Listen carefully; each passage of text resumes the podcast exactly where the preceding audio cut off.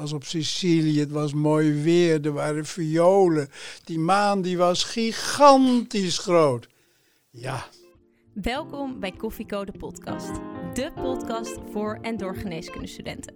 Waarbij wij, gewapend met een kop koffie, voor jou op pad gaan om interviews af te nemen met de leukste, interessantste en meest inspirerende artsen van Nederland. Dit is Koffieco.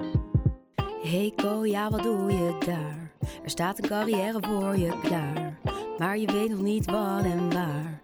Een cappuccino maakt het minder zwaar. Dus zet je volumeknop omhoog. Want je luistert Koffie en je weet het zo. Papa, papa, para, Welkom bij Koffiecode podcast, de special. Wij zijn Eva en Mare. En in de special gaan wij in gesprek met artsen over vakoverstijgende onderwerpen. Het is vandaag Valentijnsdag en vandaar het passende onderwerp koppels in de geneeskunde. Dit doen we met professor Dr. Gerard Visser en professor Dr. Katia Bilardo. Beide gepensioneerd gynaecologen en al meer dan 30 jaar getrouwd. Ja, jullie krijgen een uh, klapje van ons. Welkom bij Koffiecode Podcast. Voordat we alles willen weten over hoe jullie elkaar hebben ontmoet, willen we ook weten wie we voor ons hebben zitten. Gerard, met jou te beginnen. Nee, waarom ben jij geneeskunde gaan studeren? Ja, dat vind ik een beetje moeilijk.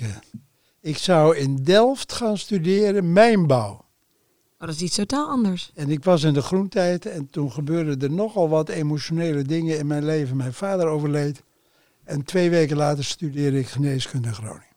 Ik had de geneeskunde ook bijgehouden als een leuke studie, maar ik dacht dat ik naar Delft zou gaan. Dat is dus niet doorgegaan.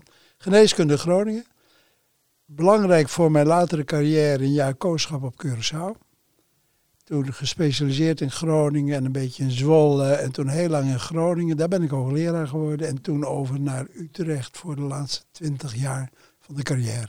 Was de geneeskunde altijd wel iets wat, eh, wat uh, u interesseerde? Of? Ja, zeker. Het, was voor mij meer de biologie. Je hebt iets aan de lever als je gele ogen hebt. Dat vond ik altijd een hele mooie logica. En de rest is er later wel bijgekomen. Precies. En Katia, jij komt oorspronkelijk uit Italië. Waarom in Italië ben je opgegroeid? Ik ben opgegroeid in Piemonte, in de buurt van Turijn. En Turijn is ook de stad waar ik geneeskunde heb gestudeerd. Nou, voor wat mij betreft, uh, ik wilde misschien filosofie doen. Um, maar mijn vader uh, wilde heel graag dat ik geneeskunde zou doen. Uh, en omdat ik vond het ook biologie heel interessant, ik dacht, nou weet je wat, ik probeer, ik doe mijn eerste tentamen en dan zal ik een beslissing nemen. En de eerste tentamen ging supergoed. En ja, vanaf dat moment heb ik gedacht, nou, dit is wat ik wil gaan doen in uh, die tijd, tijdens mijn uh, studie geneeskunde, waren net na de jaren 68 in Italië. Ik was een feminist en voor mij was echt de vrouwenkwestie, de rechten van de vrouwen, en, iets wat mij enorm aansprak. En dat is ook de reden dat ik um, obstetrie en gynaecologie ben gaan doen. Hoe is de geneeskundeopleiding in Italië? Nou, het was toen vier jaar. En ehm, nu is, het langer geworden. Ik moet zeggen dat uh, in vergelijking met uh, Nederland minder goed gestructureerd uh, toen de tijd. En bijvoorbeeld minder praktische ervaring, minder chirurgische ervaring. En dat heb ik toen ik naar Nederland kwam moeten overbruggen. Ehm, maar ik had een hele grote geluk dat um, uh, ik kreeg een beurs en um, met die beurs ging ik naar Londen om onderzoek te doen bij King's College Hospital.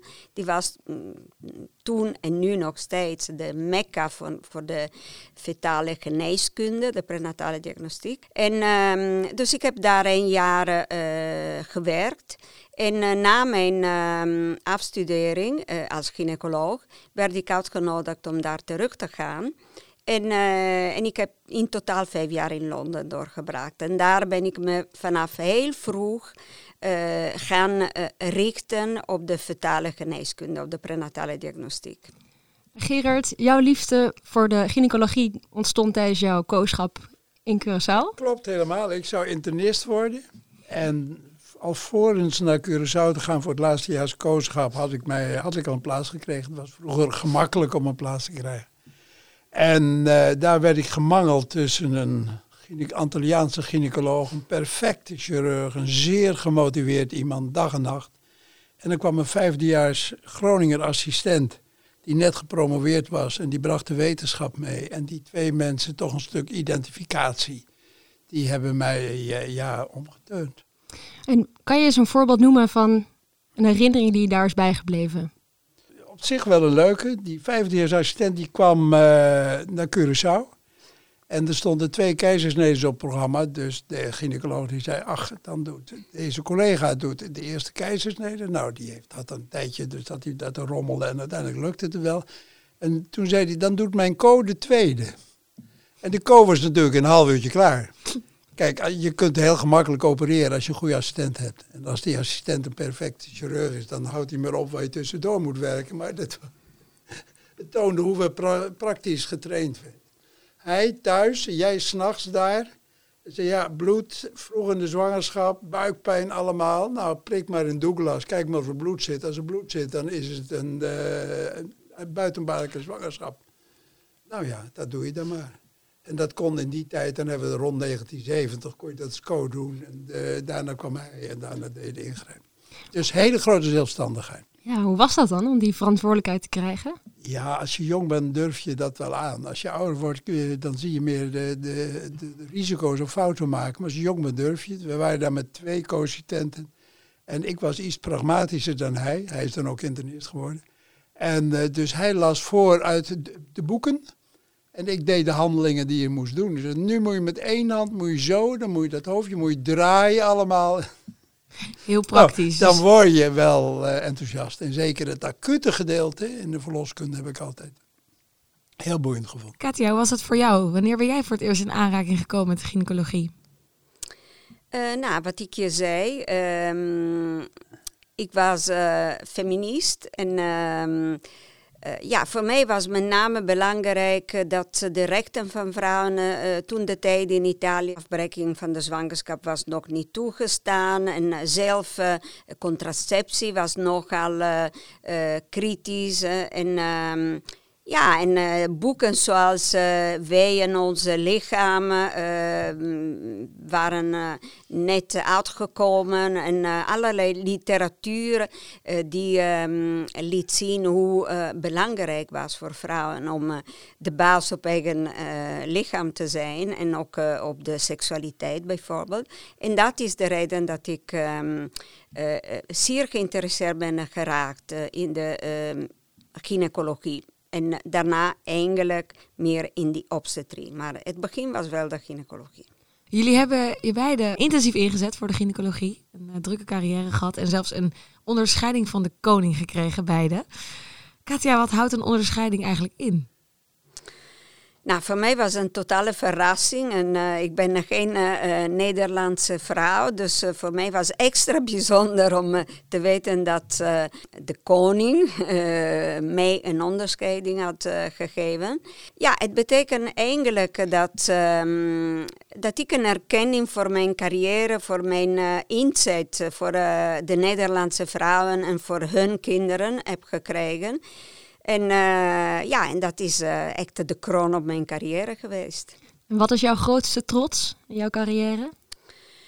Uh, mijn grootste trots op mijn carrière is alles wat ik heb gedaan, met name in de counseling naar mensen toe en in de begeleiden van paren door hele moeilijke keuzes in, in hun leven. Um, ja, het vertrouwen die ze uh, aan mij hebben gegeven. En het feit dat ze met sommigen is echt uh, een, uh, een vertrouwrelatie ontstaan die ook na de zwangerschappen door is gegaan. Ik ontvang nog steeds brieven van mensen uit de hele wereld. Die hebben artikelen van mij gelezen waar ik heb bijvoorbeeld uh, uitgelegd de relatie tussen een verdikte nekplooi en die uitkomsten. En geprobeerd om hoop aan de mensen te geven. En er zijn mensen die me schrijven van Japan, Amerika, Zweden. Om te zeggen, ja, ik heb je artikel ge gelezen en wat denk je van de, mijn casus? Denk je dat er hoop is? En, uh, en ja, dat is echt mijn grootste trots, moet ik zeggen. Mensen te helpen.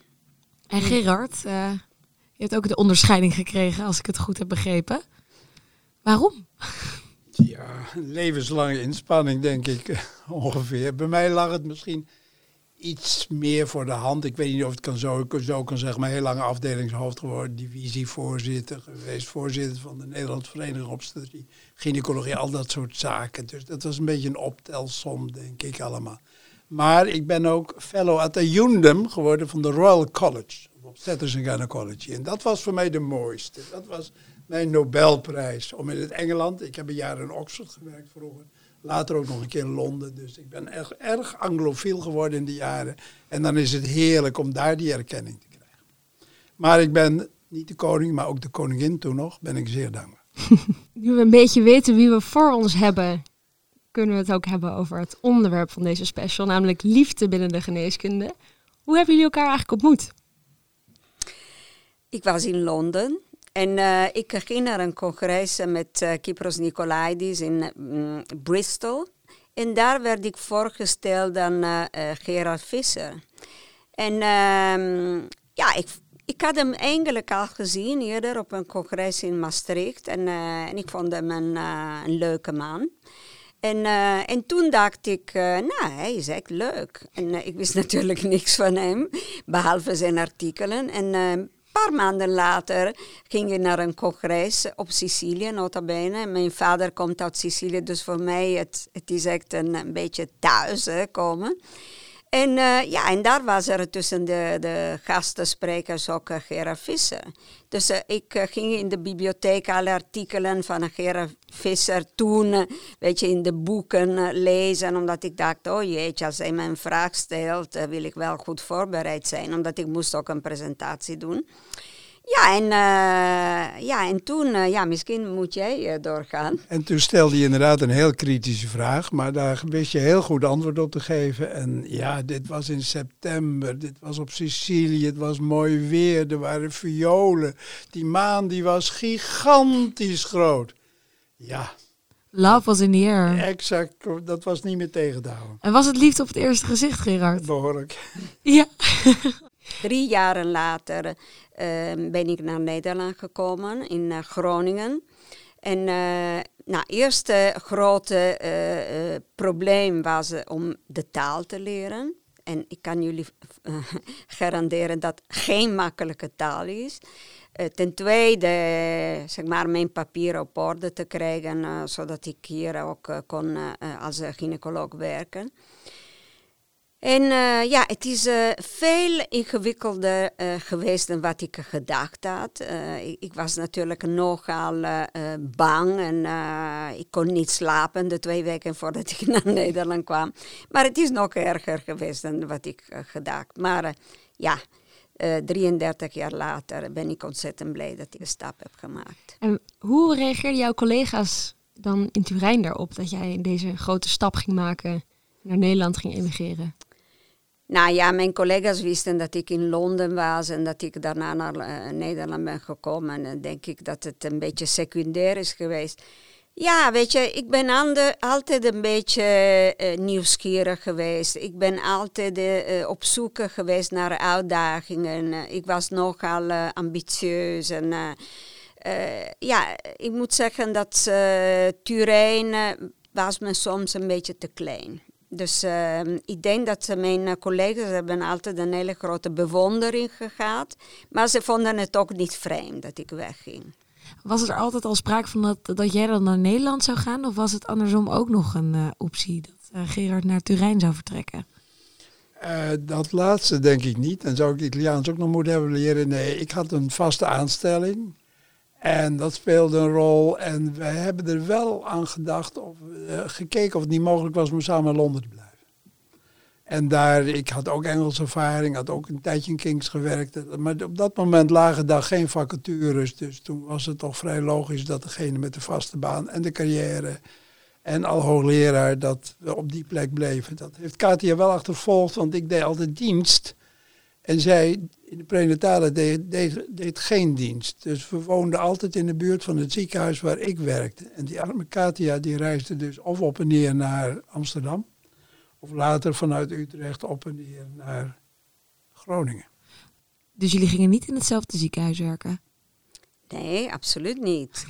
uh, ik moet zeggen dat dit was wel iets wat voor mijn collega's in uh, Italië onbegrijpbaar was omdat in Italië, als je trouwt met een collega en die toevallig ook afdeling hoofd is, het is vanzelfsprekend dat er een baan ook voor jou is als vrouw.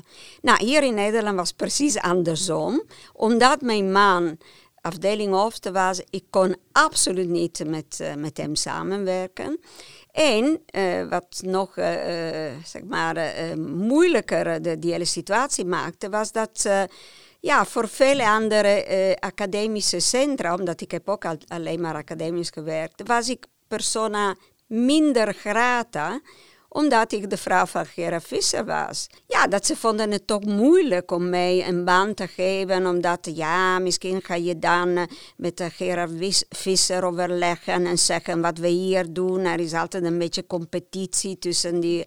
Nou, dat heeft bijvoorbeeld ook uh, voor gezorgd dat nadat ik een baan in een academisch uh, ziekenhuis had gekregen, en, en werd me dat expliciet gezegd, we zijn een beetje bang dat je zou de espionen van uh, Gerard Wisser kunnen zijn, dat ik de, die, die baan niet meer heb aangenomen en ergens anders ben gaan werken.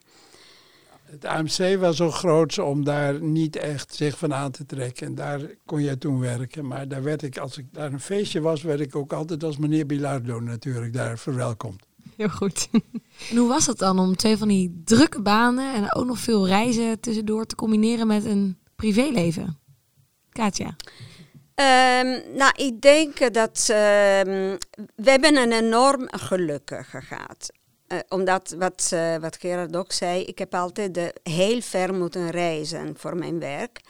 Um, en mijn geluk, onze geluk is geweest, mijn familie. Mijn familie uit Italië, die was altijd paraat. mijn ouders waren bij ons ongeveer vier, vijf maanden per jaar. En ik heb zelf een tante gehad, die bij ons is komen wonen gedurende acht jaar. En uh, ze hebben echt uh, voor onze kinderen gezorgd. En aan onze kinderen een, dat thuisgevoel gegeven die voor ons soms lastig was om te geven. Omdat ze inderdaad, je werkt academisch, je gaat naar congressen. Ik moest ook heel vroeg opstaan en kwam laat terug. En onze kinderen hadden gelukkig op en oma en, en tante. En daarna een hele reeks aan pair die uh, ja, die hebben ons enorm geholpen. Maar ja, het is, uh, het is natuurlijk, het blijft een hele grote uitdaging. Dus het is ontzettend belangrijk om een goede hulp thuis te hebben en een goede organisatie thuis. Uh, en, en je moet ook het geluk hebben om makkelijke kinderen te hebben. En dat hebben we wel gehad. En hoe vonden jullie het dan allebei om ook veel weg te zijn van huis? Dus ook elkaar weinig te zien?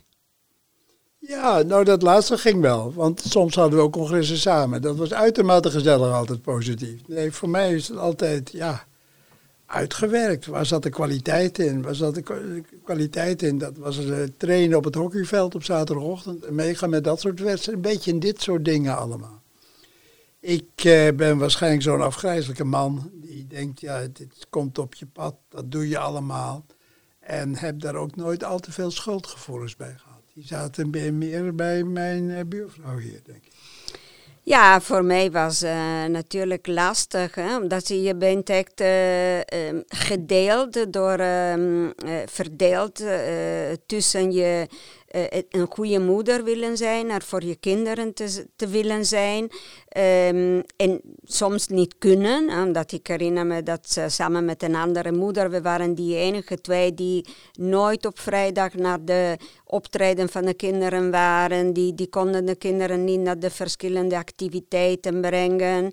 En, uh, en voor onze kinderen was ook lastig, met name omdat die andere moeders een probleem van maakten. En, dat vond ik echt uh, uh, heel vervelend. Uh, ja, onze kinderen hebben zeker daaronder geleden. ik herinner me onze dokter die een keer zei...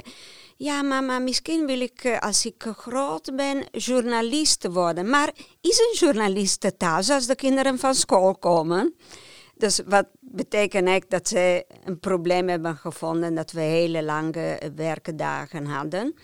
Eh, maar aan de andere kant, uh, als ik nu zie wat zijn ze geworden, denk ik dat, uh, dat ze hebben ook heel veel geleerd van ons, van ons drukke leven. Ze kwamen ook mee naar congressen. ze zijn altijd een onderdeel geweest van ons leven.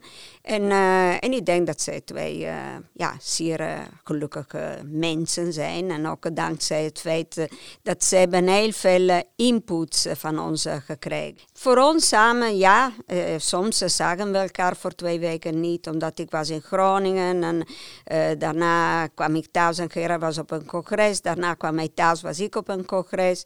Ja, maar goed laat maar zeggen, dit maakt, uh, de relatie ook levendig. Ja. Ik wilde nog even inhaken op wat je net zei, dat uh, de, ook de moeders of de omgeving er uh, negatief op reageerden. Is dat veranderd? Ik denk dat dat enorm veranderd is. Ik herinner me, ik was echt gechoqueerd toen een vrouw in, in, in Beeldhoven, waar we wonen, zei tegen mij, maar jij werkt zo hard, maar moet dat?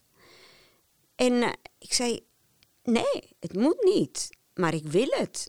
Ik heb een passie, ik heb lang gestudeerd en ik wil echt een carrière hebben. En ik wil echt uh, ontzettend veel uh, plezier uit mijn werk ehm, krijgen. En, en ik wil echt om mijn maximaal inzetten voor mijn werk. Dus het moet absoluut niet. Uh, nou, het is veranderd, omdat ik zie dat nu steeds meer werkende vrouwen zijn. Um, de situatie is ook veranderd. Onze kinderen hadden bijvoorbeeld geen continu roosters. Die kwamen thuis tussen de middag. Wat maakt het voor een werkende vrouw onmogelijk natuurlijk, tenzij je iemand continu thuis hebt. Um, nu is uh, is totaal anders. Betere omstandigheden, betere voorzieningen. De mentaliteit is ook anders. Ik denk ook uh, dat het uh, veel normaler is dat een vrouw werkt en ook een behoorlijke baan heeft en ook carrièreambitie heeft. En dit is echt iets wat ik nog een beetje mist. Um, dat, dat ambitie. Ik denk dat het is wel een hell of a job om uh, een goede moeder en een goede carrièrevrouw te zijn, maar het kan. En als je een goede partner hebt en een goede organisatie thuis, dat moet je echt uh, zeg maar, willen en, uh, en, um, en pursueren in je leven. Omdat de soort um, satisfactie en tevredenheid die je kan uitputten mm, van je werk is, is enorm. En, en, en je moet niet een tekort aan jezelf doen. Is er ooit sprake geweest dat een van jullie misschien parttime zou gaan werken? Hebben jullie daar wel eens over nagedacht? Nou, ik heb wel parttime gewerkt, met name de eerste jaren toen de, de kinderen klein waren. En ik ben steeds meer gaan werken. Um, maar weet je, op een bepaald moment, als je parttime werkt en in de dagen waar je niet werkt, die hele dag achter de computer zit en je werk doet, dan moet je je afvragen, maar uh, ik ben alleen een dief van mijn portemonnee door parttime te werken en dan daadwerkelijk die hele fulltime te werken. En, en dat is de reden dat, um, dat ik zou zeggen dat ja, vier dagen werken is volgens mij optimaal en ideaal. Vind jij dat ook, Gerard? Uh, ik denk het ook. Vroeger kon dat moeilijk. Als je een afdeling leidde, kon het moeilijk. Althans, vonden wij, dachten wij. Maar ik denk dat dat nu ook veranderd is. En hoe is het nou om dezelfde passie te delen? Leuk ja, ik denk, ik heb het altijd als positief gezien. Want je hebt iemand tegenover je die, die begrijpt waar je mee zit.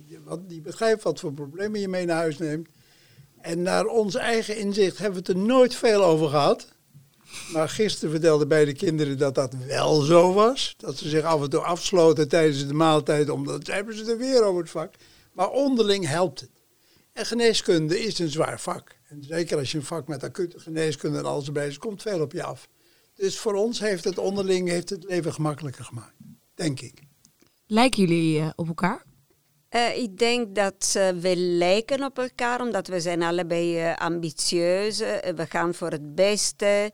Um, maar aan de andere kant zijn we ook twee totaal andere mensen. Um, maar ik denk dat de aarde van het beest een beetje hetzelfde is. Ja. Ja. En ontstonden er ook wel eens discussies over het vak? Ja, zeker. Ik denk dat het is ontzettend belangrijk dat je weet wat, uh, wat het omgaat. En dat er is een basisbegrip. Uh, en, en dat kan je enorm helpen en steunen. En ik denk dat ze samen gaan naar congressen en uh, beide lezingen geven en uh, commentaar geven. Nou, je hebt het goed gedaan. Ah, je, je was een beetje te lang. Nee, je was een beetje uh, saai. je had het scherper kunnen brengen. ja, het, is, het kan je ook enorm helpen. Jullie hebben een goed ja. feedback systeem samen ontwikkeld. Absoluut. Ja, want je partner is de enige die eerlijk is.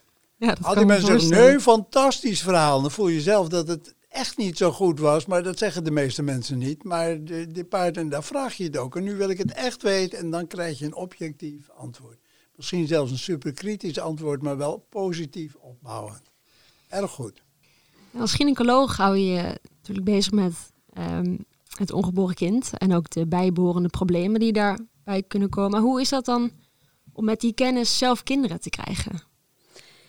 Nou ja, het is heel vreemd, maar ik ben altijd heel positief geweest over uh, mijn zwangerschappen. Uh, ondanks het feit dat ik mijn kinderen gekregen bij respectie respectievelijke 37 en 40 jaar. Dus ik was echt een oude moeder. Um, ik, ik, heb me nooit echt druk over uh, problemen gemaakt. Nooit last van ehm, te veel uh, anxiety, te veel uh, ja, problemen of angsten voor de, voor de zwangerschap. Ondanks mijn vak. Na een lange loopbaancarrière, beide, hebben jullie uiteindelijk een punt gezet achter jullie uh, carrière. Hoe is het om gepensioneerd te zijn, Gerard? Heb ik niet zoveel van gemerkt. Oh. Het leven is gewoon eigenlijk na de pensionering. Ik was licht depressief, moet ik zeggen, toen ik met pensioen ging. Maar toen kwam in één keer een andere wereld. En dat is verder de internationale wereld, daar heb je tijd voor. En als je pensioneert in Nederland, meestal houden ze een geweldig afscheid voor een enorm feest en daarna besta je niet meer. Dat is Nederland. Dat, dat gold uh, de generatie voor mij, dat gold ook mijn generatie. Maar buitenlanden trekken zich daar niet van aan. Die zeggen nee, we willen hem hebben. Dus ik heb toen eerst Europees en later in mijn wereldorganisatie nog, laten we zo zeggen, mooie carrière gemaakt. In de wereld was het de commissie Safe Motherhood en Newborn uh, Health van, uh, van de FIGO, wat dan die organisatie is. En dan kom je overal. Dan werk je in vaak in Afrika. Ik ben in Afghanistan geweest drie, vier jaar geleden. Al dat soort landen. En dan kom je. En de mensen vinden het fantastisch dat jij komt. Er is niemand. Ze spreken Engels. En ze zijn enorm leergierig. Dus dat is een, een toetje geweest. Wat eigenlijk maakt dat die periode van de afgelopen, wat is het, ongeveer tien jaar de leukste in mijn leven geweest zijn. Er is dus een carrière na je pensioen? Voor, mij gelukkig wel. Je bent een stukje wijzer. Je doet geen flauwekul. Je doet dingen die je zelf wil, waarvan je denkt dat het impact heeft. Het gaat je niet om nog een artikel of met een case report of wat dan ook. Nee, graag, maar dan moet het impact hebben. En dan ga je er ook volop in. Dus die, die, zeg maar, die semi-wijsheid die je dan bereikt, plus de vrijheid en het ontbreken van bureaucratie, is geweldig. Kan het iedereen aanraden.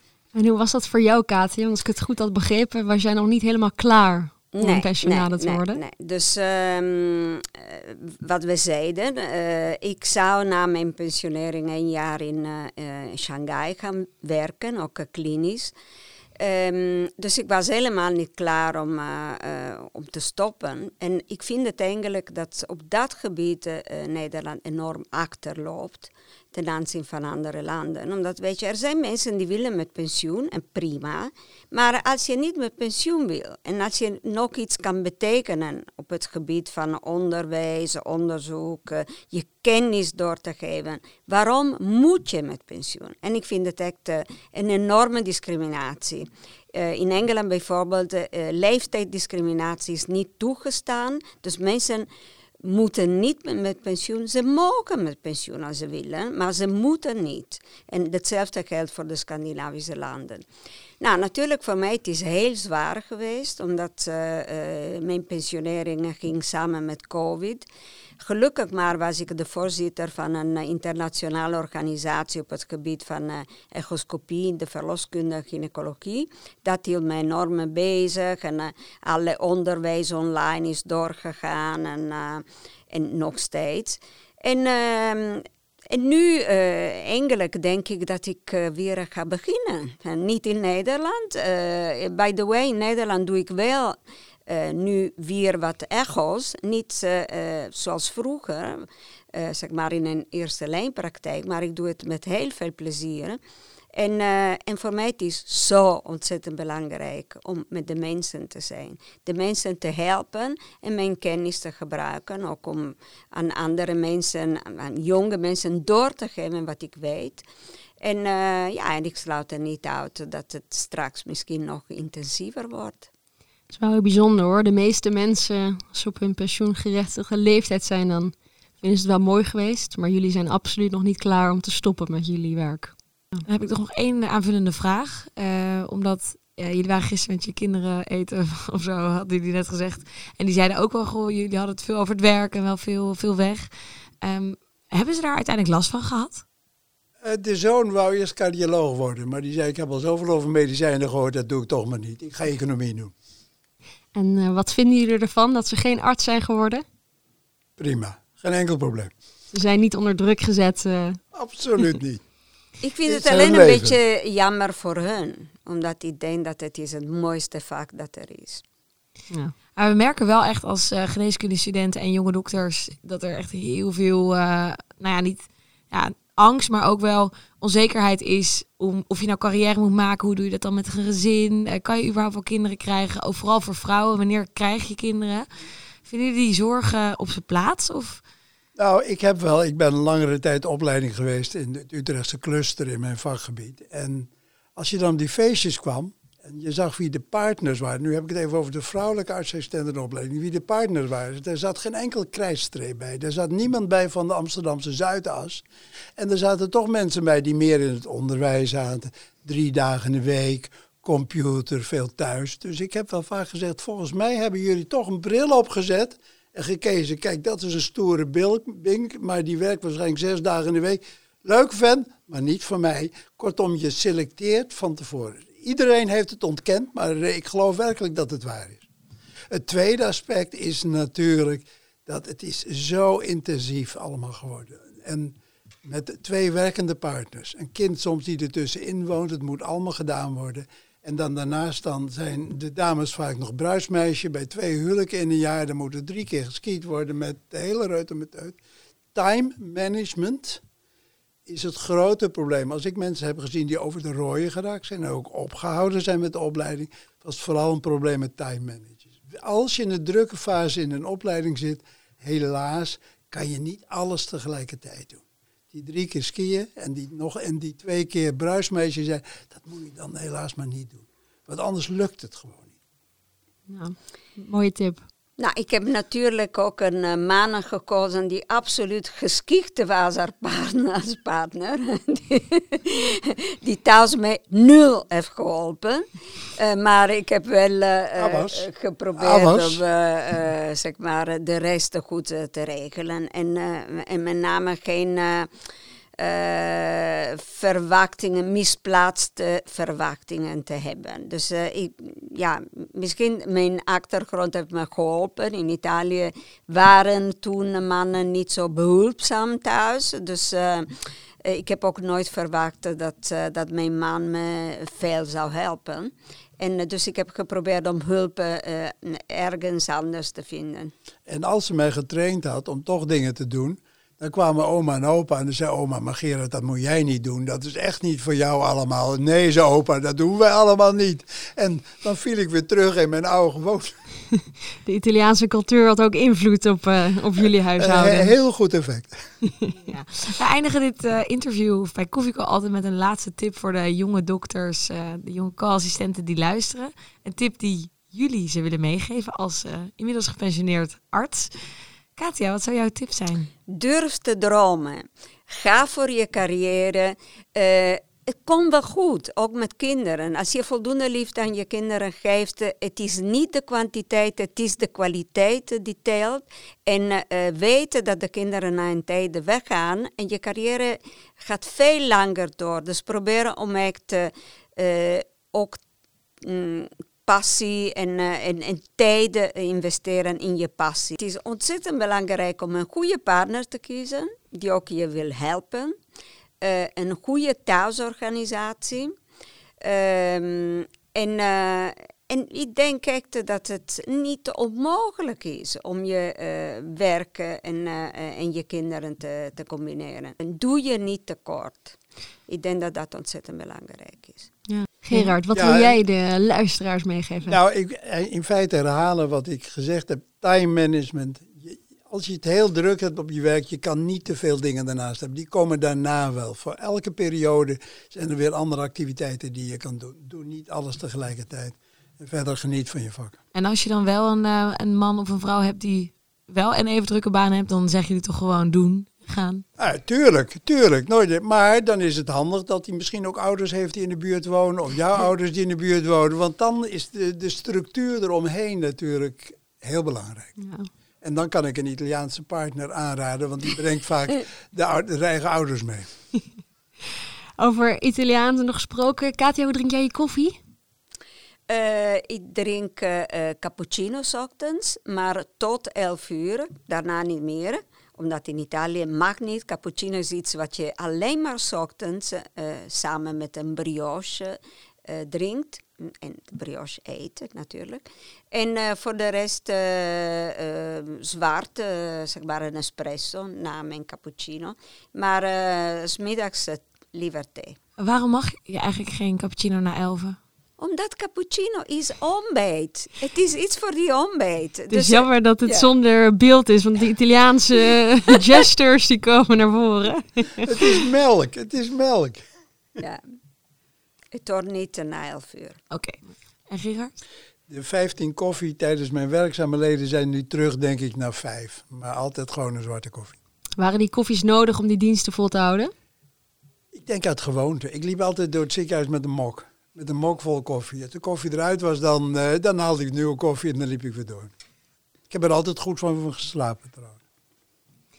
Nou, Katja en Gerard, hartstikke bedankt dat jullie bij ons uh, aan tafel wilden aanschuiven en jullie open en eerlijke verhaal hebben verteld. En ik denk ook een hele geruststellende gedachte dat, je, dat we ons niet zoveel zorgen hoeven te maken en als we het goed regelen, dat het dan ook gewoon moet lukken. Dank Absoluut. jullie wel. En wij vonden het leuk. We zijn aan het einde gekomen van een uh, special op Valentijnsdag over koppels in de geneeskunde. En uh, voor mij was het stiekem ook een erg speciale aflevering, want dit was mijn allerlaatste interview bij Koffieco. En ik heb er extreem van genoten. Dus dank jullie en wel. Jij ook. ja. Succes. Dankjewel. En beste luisteraars, leuk dat jullie ook weer luisteren. Geniet van deze Valentijnsdag. En volgende week weer een nieuwe spetterende aflevering. En tot dan. Tot de volgende keer. Pa pa pa para para para